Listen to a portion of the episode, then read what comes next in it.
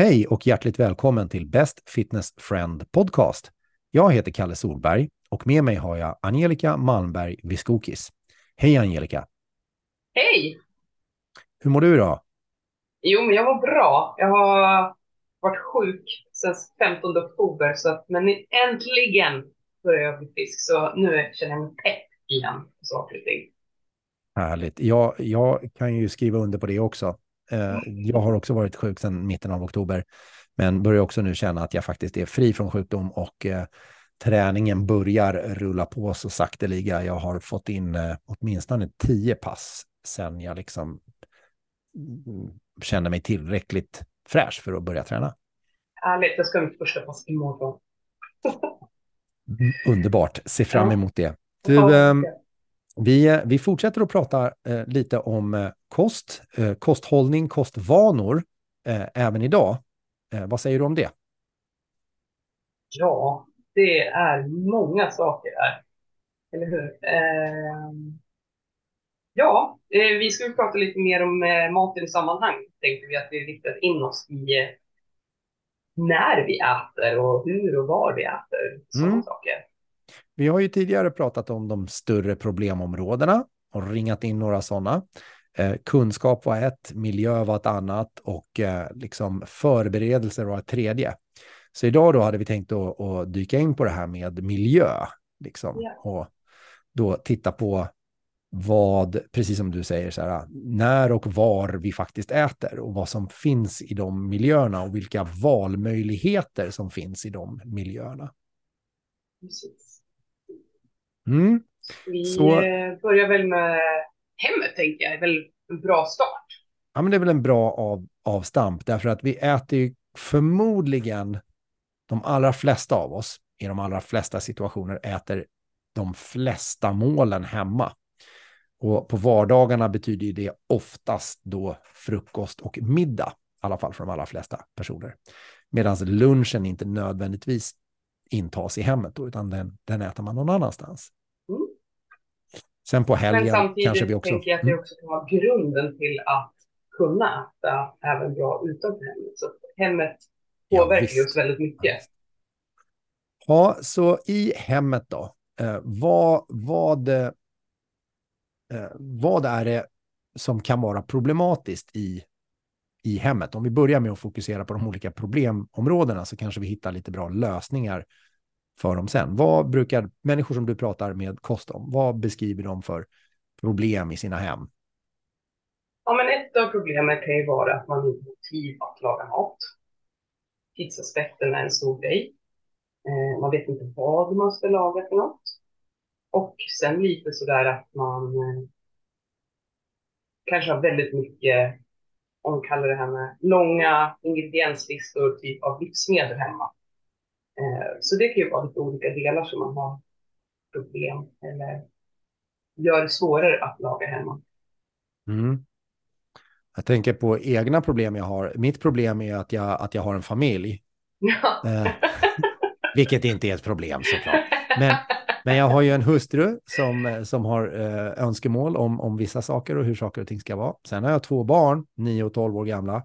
Och mm. de har ju också eh, önskemål eller, eller kanske eh, krav på hur saker och ting ska, ska vara. Liksom. Och det utgör ju också ett problem. Det, det gör ja. det svårt för mig att alltid välja eh, bra saker. Ja. Intressant. Mm. För, hemma hos oss, jag har ju en treåring och ettåring, så de är ju avsevärt yngre. Men eh, hemma hos oss är det ju lite så att om man inte äter middagen så blir det något annat. Liksom. Jag är lite hård där. Jag kanske är för hård. Ja, jag, jag, jag, jag tycker väl det, det alltså, Frågar du mig så tycker jag inte att det, det, det, är att vara för hård, men, men jag tror säkert att många som lyssnar eh, kanske tycker att, att det är för hårt. Men, men då ja. har vi redan ringat in så här, uh, tidsaspekter, så här, hur mycket tid du, du spenderar i hemmet, det kan vara ett problem. Eh, att du inte vet vad du ska göra för någonting, att du inte har stapelvaror eller Eh, du kanske inte har de ingredienserna som behövs för att laga just det du känner för. Och sen så då också att det finns flera viljor i ett hem, om man, i alla fall om man bor med andra människor. Bor man ensam så är det lite enklare, men, men eh, bor man med andra människor, då är det ju flera viljor som finns där. Ja. Jag kan tänka mig att en, en sak som också spelar in på det här som du var inne på med, med, med liksom tid, det är ju också att bor man med andra människor så kanske alla har lite olika tider. Jag vet ju till exempel för egen del då, så vissa kvällar har mina barn olika aktiviteter, vilket gör att det blir svårt att säga så här, men vi äter middag alltid klockan sex till exempel. Ja. Vilket jag upplever från min barndom var betydligt vanligare. Liksom, att min familj när jag var liten, ja, men då åt vi på ganska regelbundna tider. Mm. Det tycker inte jag är fallet nu längre. Nu när du har små barn så kanske du kan bestämma lite mer över dem. Men, jag vet ja, att men det har jag bland vänner också. också. Att det är lika, likadant, liksom att det, ja, men det är simning och det är gymnastik och så man äter lite olika tider. Ja. Eh, jag hade väldigt likadant. Mina fritidsaktiviteter var på lördagar. Liksom. Jag hade inte... Jag hade en sak. Jag fick göra en sak varje termin. Som, så det mm. var inte massa olika saker. Så det var så jag växte upp. Men det är, alla, är, alla gör ju olika och det är väl det som gör det krångligare när man är fler än en person i ett hushåll. Uh, nu, nu har jag, jag kom på en sak till här som jag tror är ett problem som många upplever. Och det här, det här får du antingen bekräfta eller dementera, för du pratar med ännu fler människor än vad jag gör om det här. Uh, men det är ju också så här vad man har tillgång i, hur det faktiskt ser ut i kylskåp och skafferi. Mm. Så här att det är ett problem att inte välja det som är sött, salt och, och fett om det finns väldigt mycket i skafferiet och i kylskåpet som är sött, salt och fett, då är det väldigt mycket lättare att välja det. Ja. Det Så, går ju tillbaka till vad du helt enkelt inhandlar till ditt hem. Ja, men precis.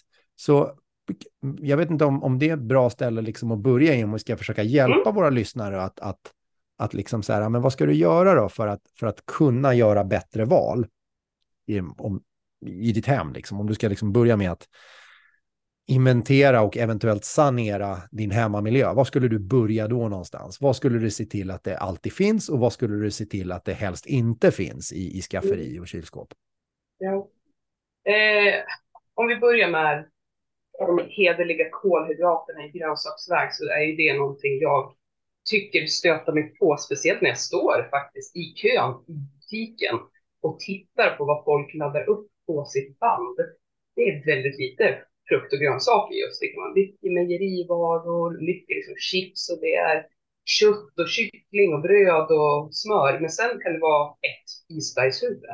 Nu är det kanske ett extremfall, men det är liksom, jag skulle säga att det där, om du, fys, om du fysiskt sett tittar på ett band så ska det vara hälften av det du har inhandlat skulle jag säga, ska det vara frukt och grönt så att du verkligen har tillgång till lite olika saker hemma. Jag är så glad att du sa det där, Angelica, för att jag trodde jag var ensam i världen eh, med att och stå faktiskt och titta på vad folk lägger upp från, från sina matkorgar i mat. Här, nu, nu, känns det skönt att jag delar den, den grejen med någon människa, någon människa liksom, att jag faktiskt observerar vad folk handlar för någonting. Mm. Försöker inte lägga någon värdering i det, men jag observerar åtminstone. Och jag, jag tycker också att jag ser väldigt lite grönsaker och sådär. Mm. Eh, och om man då har ett isbergshuvud. Ja, precis. Men om jag har ett isbergshuvud i mitt kylskåp så, eh, så är det bättre än att jag inte har ett isbergshuvud i mitt eh, kylskåp. Eh, men vad skulle kunna vara ännu bättre då? Eh, det är en ganska ledande fråga. Jag har en strategi nämligen. Jag vet inte om du Aha. tänker samma sak som jag. Oj, nu blir det så här. Är det en kuggfråga? Ja, men jag tänker så här att... Det, det, det, nej, jag tänker på, Eller? om jag fortfarande tänker på det här, den här salladen då som jag har köpt hem. Ja. Så, så är det ju fortfarande så här, jag tycker att det är ganska, eh, liksom om jag har ont om tid och jag känner mig stressad och hungrig, så är det för mig, det finns ett visst motstånd i att ta ut salladshuvudet, skära upp det, lägga det i min sallads, eh, sån här, jag har en sån här som man vevar på, mm. eh, som centrifugerar bort i vattnet. Liksom. Så här, men jag lägger ner i den, jag centrifugerar och sen får jag upp isbergssalladen på en tallrik och isbergssallad i sig är rätt tråkigt, så det är inget som jag gärna bara liksom knaprar på sig där, utan jag vill eventuellt smaksätta den på något sätt eller ha i lite andra saker, gurka, tomat, eh, ja. lite lök eller någonting, liksom, så att det mm. blir lite mer likt en sallad. och så eventuellt några droppar olivolja och lite vinäger så blir det ju faktiskt en riktig festmåltid. Men det där, det var ju en ganska jobbig process. Ja. Så, så om jag liksom ser till att jag har skurit upp grönsaker i förväg, då blir det ju mycket lättare. Då går det ju kortare tid ja. ifrån liksom kylskåp till tallrik. Jag tänker att det är också en sån här bra strategi. Ja, och om man har liksom ekonomiskt till det så finns det ju färdigskuret också giftmycket. Om vi till och med gör det ännu enklare att liksom köpa en färdig påse med färdigskuret. Det finns ju allt från morot och rödbet och kål i en påse, vinstillor och det finns massa olika typer av sallader. Så det är ju toppen bra. Om man har, ja, det kostar ju lite mer. Men annars skulle jag definitivt säga, det är ju någonting jag ger som tips också, matberedaren hemma jag går ju på högvarv liksom vissa dagar i veckan då jag bara strimlar vitkål, strimlar morot, strimlar massa olika grönsaker för att ha det färdigt till en bock, till en sallad, till whatever jag ska göra under veckan. Men att ha det färdigskuret, det tar, det tar sin lilla tid att skära grönsaker, det gör det ju. Ja, det gör det ju faktiskt. Ha, är det någonting annat som du tycker man ska se till att ha som stapelvar? Vad är dina eh, övriga stapelvaror som finns i kylskåpet om vi stannar där liksom, med kylskåpet en stund till? Kylskåpet, eh, ja men ägg har vi ju hemma alltid liksom. För det är ju så bra både som mellanmål och göra pannkakor gör vi hemma med rivna grönsaker i. All, ja, ägg tycker jag är som en bra stapelvara, snabbt och enkelt. Um, mm. Men jag skulle säga att liksom tre fjärdedelar av vårt kylskåp är fyllt med grönsaker och frukt. Så är det. Och så har vi två, eh, vad säger man, alltså 60 ägg här hemma. Så det finns liksom, det är oftast det som är stapelvarorna hemma hos oss. Det är det som är fint med mjölkprodukter då. Ja, men det är det som är fint med att bo på en bondgård som du gör och ha egna höns också. Nej, det stämmer ja, du, inte. Du ska se mitt skafferi. Ja. Jag har liksom ja. trälådor här med små svarta lappar där det står bönor, nötter och frön, mjöl, ris och pasta. Så att mina stapelvaror är fruktansvärt tydligt framför dig. Så, vi, vi, kommer, vi kommer låta dig lägga upp lite bilder i, på våra sociala medier om, om eh, hur det faktiskt ser ut i ditt kylskåp. Jag vet att det är jättefint. Ja. Okej, okay, men då har vi liksom mycket grönsaker i kylen. Det är en bra idé. Jag tror många räds av att köpa grönsaker därför att grönsaker blir ju dåliga. De ruttnar ju efter ett tag. Mm. Eh, vad har du att säga om det? Ja, men eh, där skulle jag väl säga att försöka det går ju lite, lite in med det här med att eh, mat och tillaga faktiskt maten i stor fokus där, så att det faktiskt är tillagat vissa delar av grönsakerna. Och sen de saker som oftast blir liksom ruttnar först, kanske får man handla oftare, om man säger två gånger i veckan. Så att man fyller på, får handla lite oftare helt enkelt. Eh, men annars går det helt fint att frysa in. Alltså jag har kilovis med fryst banan för de säljer det billigt nere på Tempo här. Liksom en påse med bananer, 10 spänn. Köper det, hackar ner, fryser in, perfekt för smoothie liksom. Att köpa sån där påse med lite halvdan, det fryser in. Då, liksom, det fryser, näringsvärdet kommer fortfarande vara kvar.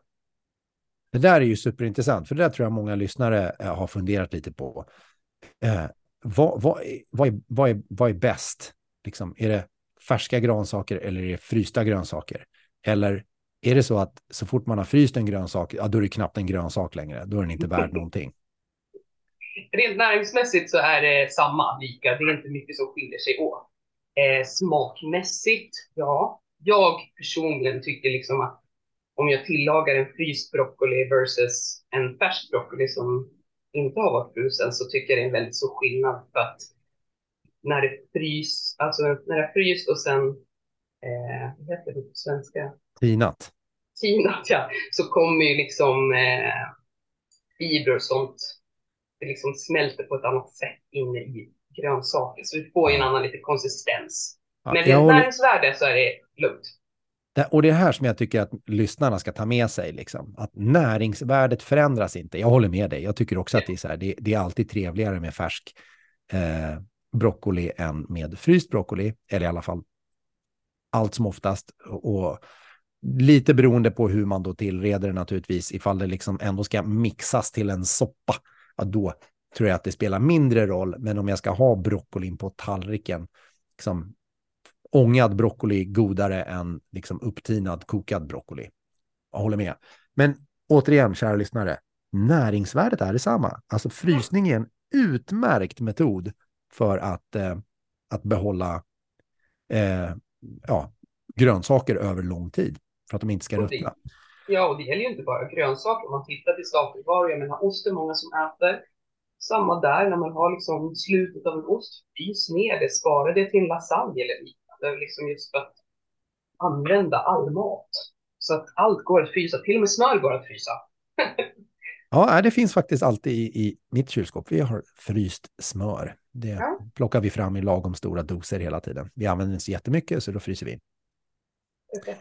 Eh, det, det, finns en grej till som jag bara liksom skulle vilja stanna kvar vid här med just eh, grönsaker och att de faktiskt ruttnar och att, att det finns då en, en ovilja att köpa grönsaker för att om jag inte äter dem så blir de dåliga och då måste jag slänga dem och jag vill inte slänga mat.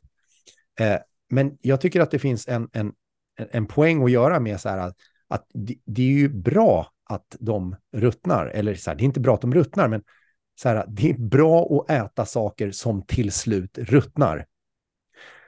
För då vet vi att det är en råvara. Vi vet att det inte är konserverat. Vi vet att det inte är någonting som är tillkonstlat och egentligen inte passar så bra i människokroppen. Eller hur? Ja. Så att äta saker som faktiskt ruttnar, det, det, det i sig kan vara en strategi för att äta bättre. Köp ja. bara saker som faktiskt blir dåliga efter ett tag.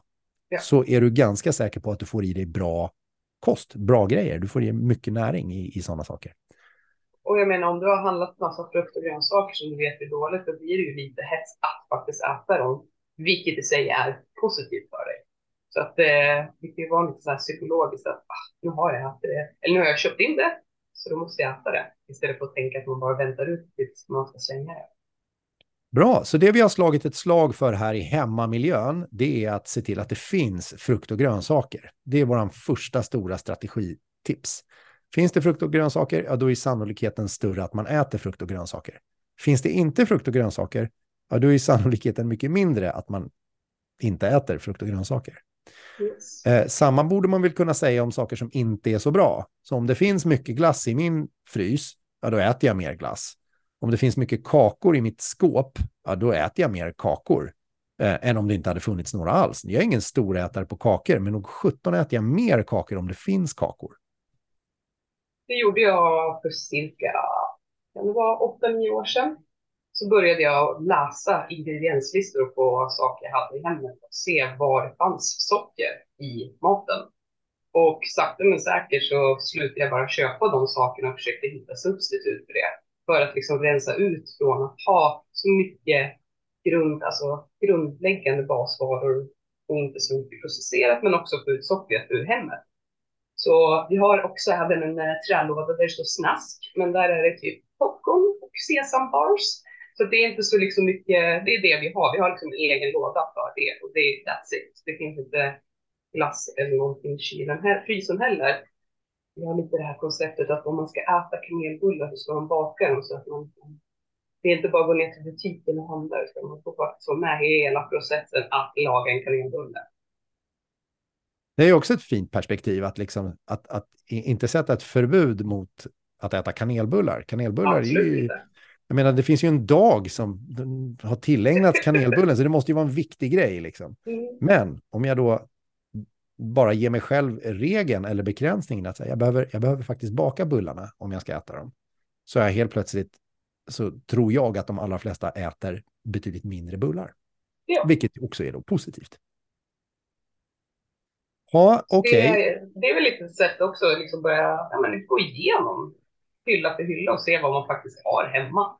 Och saker du inte har ätit på över ett halvår, det kanske är dags att slänga ut det så att man börjar liksom skala av och faktiskt ha saker i ja, men skafferiet och sådär som du faktiskt äter. För att annars bara fylls det på massa olika grejer som vi inte ens har någon aning om vad det är där inne. Så då har vi liksom pratat en stund nu om vårt hem eh, vad vi bör fylla på med, se till att allt det finns och eh, vi har gjort det här ganska överskådligt. Vi har inte gått in på djupet. Vi hade kunnat säkert prata om ännu mer saker som vi kan fylla på med som stapelvaror. Och sen så det andra perspektivet då, att försöka ta bort saker som är lätta att välja, speciellt när man är lite trött och hungrig. Eh, eh och, och liksom eliminera dem från sitt hem. Så det, det, det får väl vara liksom huvudtesen i det hela. Eh, men om vi flyttar oss ur vårt hem och till vår arbetsplats, då har vi inte alltid lika mycket inflytande på det där. Utan det kan vara så att jag jobbar på ett kontor och på det här kontoret så, så finns det ett kylskåp där man har valt att liksom fylla på med vissa grejer så att det alltid finns där. För att så är det. Och sen så kan det vara så att man också har valt att eh, på det här kontoret så, så ställer man fram vissa saker i konferensrummen. Där finns det alltid, jag vet inte, någon godis eller någonting i en skål. Så har det sett ut på kontor som jag har jobbat på tidigare i alla fall. Eh, och också att det finns olika traditioner kring fika och vad man gör när folk fyller år och hur man firar och sådär. Eh, vad, vad, vad, finns det någonting mer som du har hört folk berätta om som just så här, blir problematiskt på kontoren? Jo, men just det, fika, alltså svensk fikakultur är ju väldigt etablerat. Både på förmiddagen och på eftermiddagen, speciellt på eftermiddagen. Um, så det, ja, det, det är en sådär svår grej. Alltså antingen om man börjar, förändringen börjar ju oftast på sig själv och med det kan man ju faktiskt inspirera andra att man får en kulturändring på sitt kontor. Jag vet ett kontor jag jobbat på blev en kulturändring att till slut var det fruktskål, inte massa godis, utan godis var en gång i jul. That's it. Och sen var det frukt som inhandlades istället. Um, så ja, det kan, det kan vara tungrot. Man kan ju liksom, det beror på hur ofta det händer. Men eh, jag skulle säga att om man själv kan på något sätt inspirera utan att man dömer andra så kanske man kan så ett litet frö till förändring att eh, köpa in bättre ja, men där, jag, jag, tror att det där är... Att, att, leda genom att föregå med gott exempel är väl generellt det som brukar funka bäst. Liksom. Sen så mm. tror jag inte att att man kan förvänta sig att man kan vända en kultur på, på över en natt. Liksom. Det, det, är svårt och det är svårt. Eh, som du säger, så här, vi har ganska djupt rotade kulturproblem att brottas med kring så här, ja, men man ska fika. Jag vet att vissa, vissa har berättat för mig att, att på deras arbetsplats så fikar de varje dag. Mm. Och det mm. finns alltid någon form av, av eh, eh, ja, men, kaffebröd mm. Det finns alltid någon form av kakor, det finns alltid, alltid någonting som, som inte är det bästa vi, vi kanske kan äta. Och, eh, och tyvärr blir det ju så att när någonting finns tillgängligt, ja, då så har vi en tendens att, att faktiskt stoppa det i munnen.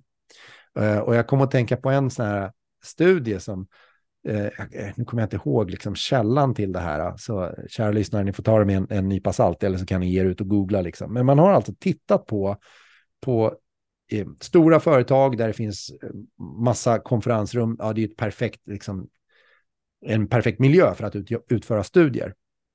Och vad man gjorde i den här studien som jag inte då kommer ihåg eh, roten till, så återigen tar det med en nypa salt, det var att man, man satte filmkameror i konferensrummen och så ställde man fram då olika saker på de här konferensborden. Och det var ju hundratals människor som hade konferenser på de här företagen. Så tittade man på det här, analyserade materialet och så räknade man liksom hur många gånger folk åt av de här grejerna. Man kunde ju mäta innehållet i skålarna och Jag såg i vilken, i vilken utsträckning eh, ja, de olika grejerna man la i de här skålarna försvann och sådär. Man kunde mäta hur fort gick det.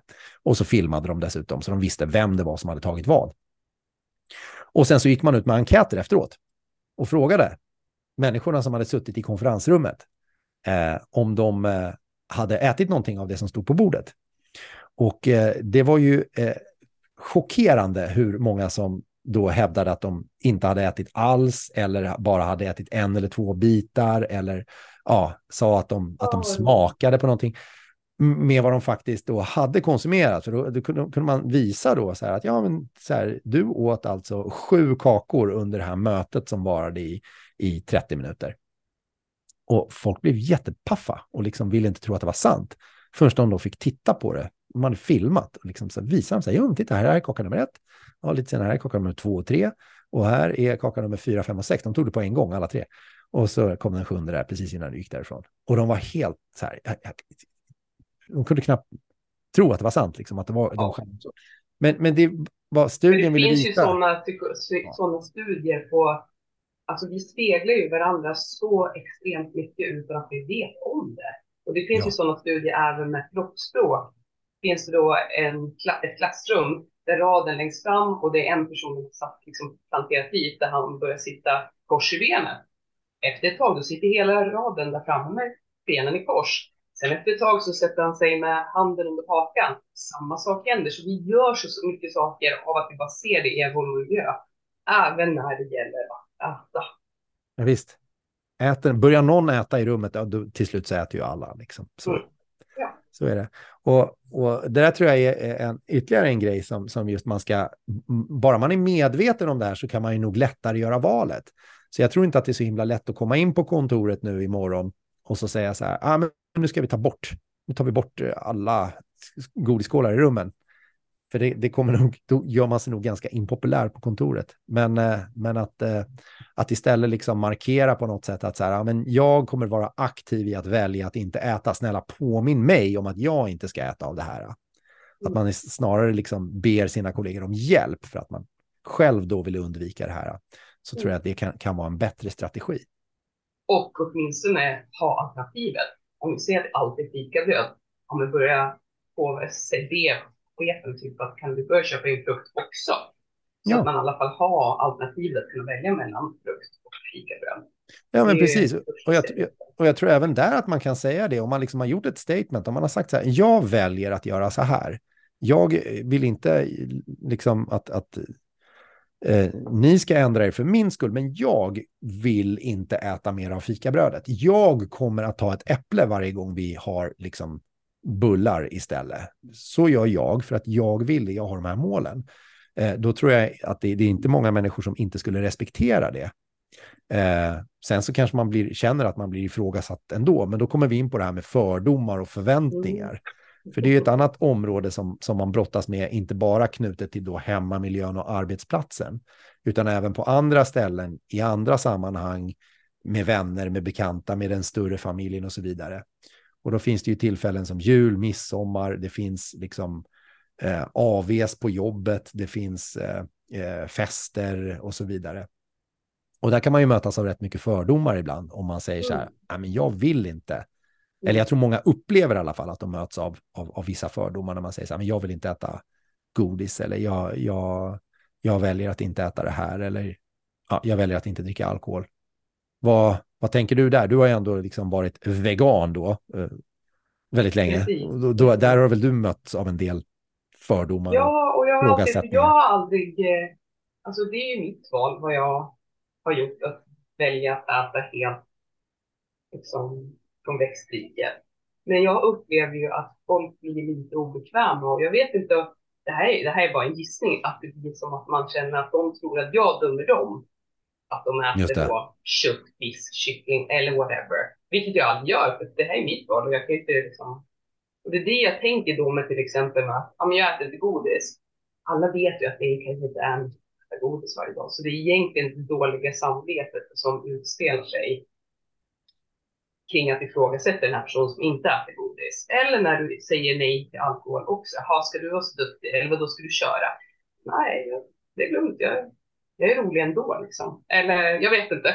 Men det känns mer som att det är det dåliga samarbetet mot andra som man får som reaktion liksom. Mm. Men det här är bara av egen sådär, erfarenhet. Ja, jag delar din erfarenhet. Jag, jag har varit, valt att vara alkoholfri många år. Jag är inte absolutist. Visst händer att jag dricker alkohol. Eh, men vissa år har jag bara inte gjort det. Så under de senaste under den senaste 15-årsperioden så har jag varit alkohol ganska många, alkoholfri ganska många år, bara för att jag har valt det. Och då får man ofta förklara sig på ett eller annat sätt när det är midsommarfest eller julfest eller någonting. Så här, då måste jag förklara mig så att nej, men, nej, det är inte så att jag är alkoholist, det är därför, inte därför jag inte dricker alkohol nu, för så skulle det ju kunna vara. Absolut. Eh, och, eh, men just det här att, att behöva förklara sig kan bli jobbigt. Och jag tror att för många kan det bli så jobbigt så att man väljer att jag, jag tar ett glas för att mm. jag or, orkar inte snacka med folk om varför jag väljer att inte göra det här. Eller mm. ja, jag äter tårta, eh, för det är ju födelsedag och jag typ förväntas äta tårta här nu när vi firar eh, kollegan på jobbet eller någonting. Ja. Och det är rätt jobbigt. En, ja, jag har en släkting som inte dricker alls och aldrig druckit och under den personens liksom, liv har den fått till och med så här förslag på hur du ska gilla vin. Men, men alltså jag gillar, nej tack.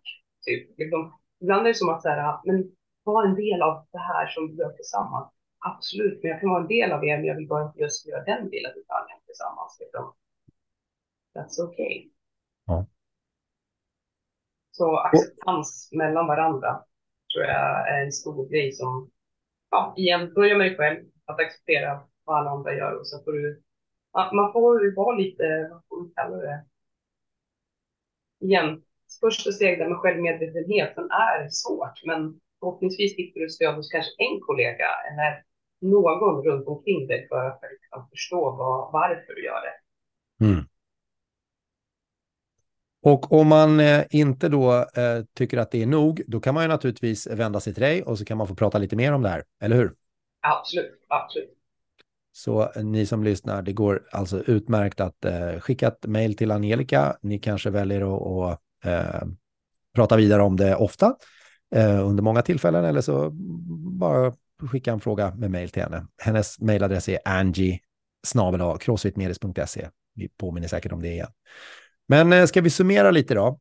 Vi, eh, vi har idag pratat om eh, de problem som många upplever i, i form av miljöproblem. Och med miljö så menar vi så här, ah, hur ser det ut i ditt hem?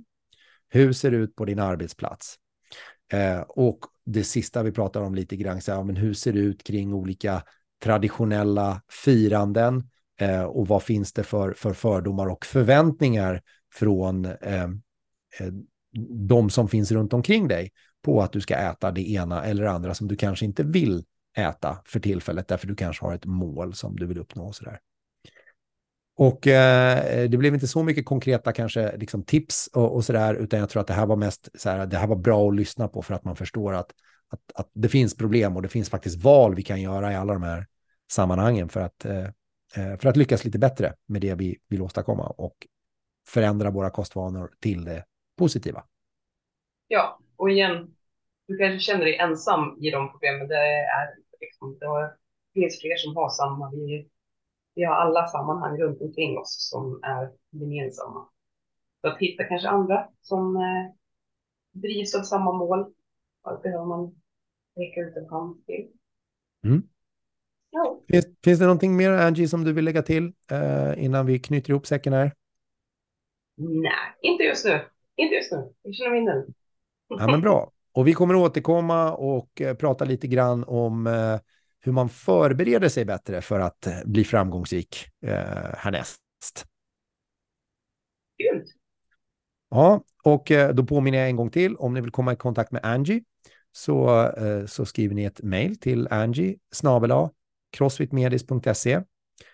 Vill ni komma i kontakt med Best Fitness Friend podcast-gänget som oftast består av mig, eh, Kalle Solberg och eh, Oskar Johed. Då mejlar man helst Oskar, man mejlar alltså inte mig. Man får mejla mig om man vill. Jag har Kalle snabel crossfitmedis.se. Men mejla hellre frågor och funderingar till Oskar, för det är han som samlar ihop dem och har en liten logg på sådana här frågor. Och han har Oskar med K snabel crossfitmedis.se. Eh, tack för att du har lyssnat idag och eh, jag hoppas att vi hörs snart igen. Tack.